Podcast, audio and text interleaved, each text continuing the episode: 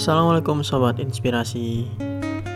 Situasi pandemik yang kita hadapi saat ini memang sangat berat. Banyak sekali kemudorotan yang kita dapatkan Namun juga ada sisi-sisi positif yang bisa kita ambil. Namun sedikit pun rasa optimis saya tak pernah berkurang Untuk melewati masa-masa sulit ini Allah memberikan kita musibah demi musibah itu berarti Allah menilai bahwa kita ini mampu. Kita ini manusia-manusia yang hebat.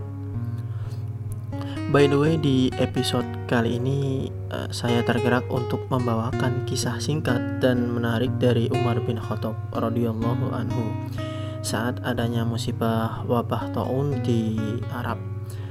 Tapi isinya insya Allah secara yang saya ceritakan ini tetap membawa hikmah positif bagi sobat inspiratif. Bagaimana kisahnya? Dari Ibnu Abbas meriwayatkan bahwa Umar bin Khattab pergi menuju Syam yang sekarang menjadi Palestina pada tahun 18 Hijriah. Ia ingin mengetahui keadaan rakyatnya dan kinerja pemimpinnya saat itu.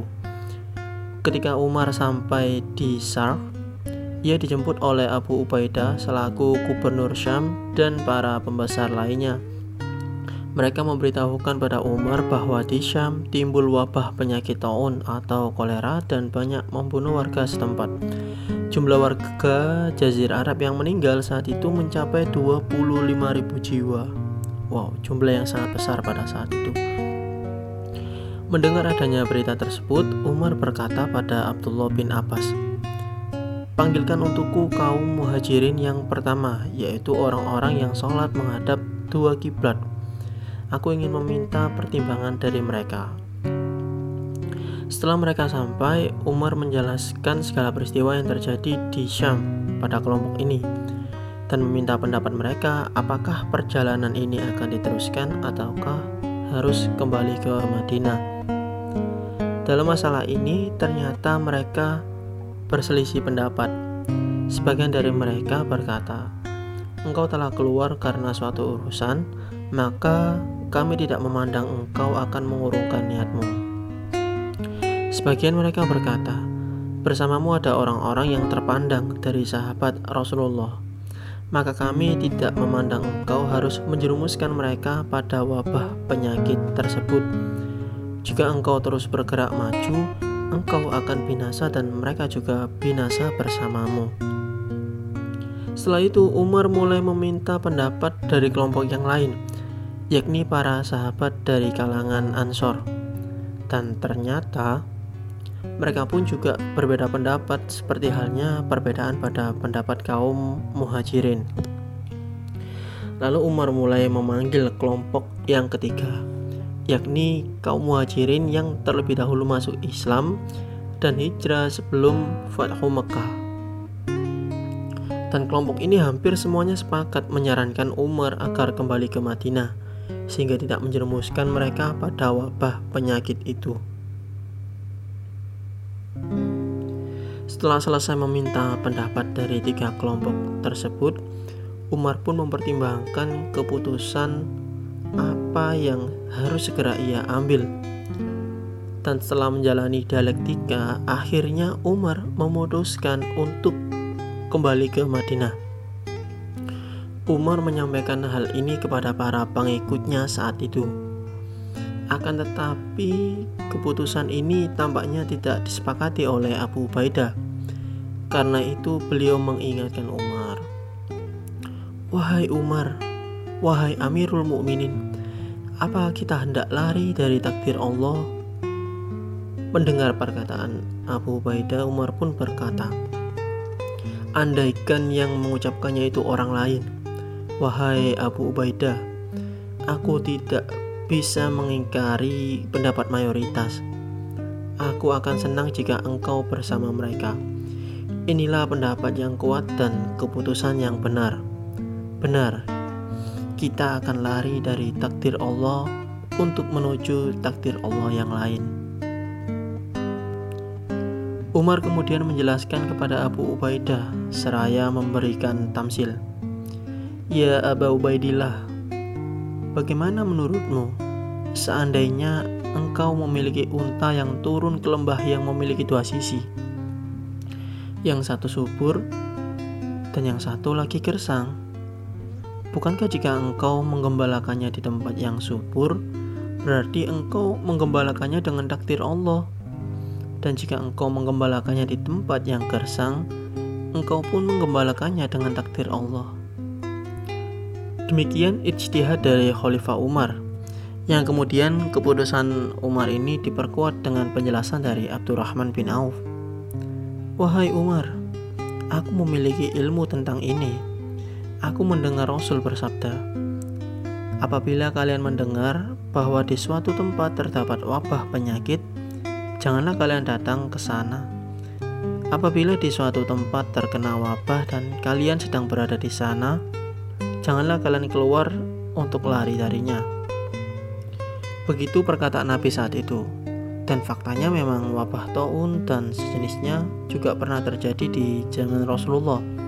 Dan salah satu solusi dari Rasulullah ini adalah sebagaimana yang telah dijelaskan oleh Abdurrahman bin Auf. Yang mana saat ini lebih persis kita kenal dengan sebutan karantina wilayah. Pasca itu akhirnya Umar bin Khattab kembali ke Madinah dan membuat strategi bagaimana wabah taun ini bisa segera selesai. Alhasil singkat cerita saat itu Umar bin Khattab berdiskusi dengan kalangan para ahli dan sepakat untuk memberikan solusi pada wabah yang terjadi saat itu yakni menyuruh masyarakat yang masih sehat di daerah yang terkena wabah saat itu untuk naik ke dataran yang lebih tinggi. Dalam artian segera memisahkan dari orang-orang yang tidak sehat sehingga tidak sampai tertular dan juga penanganannya lebih efektif dan alhasil singkat cerita ketika strategi ini sudah dijalankan wabah tahun pun bisa selesai diatasi dengan terbatasnya teknologi saat itu.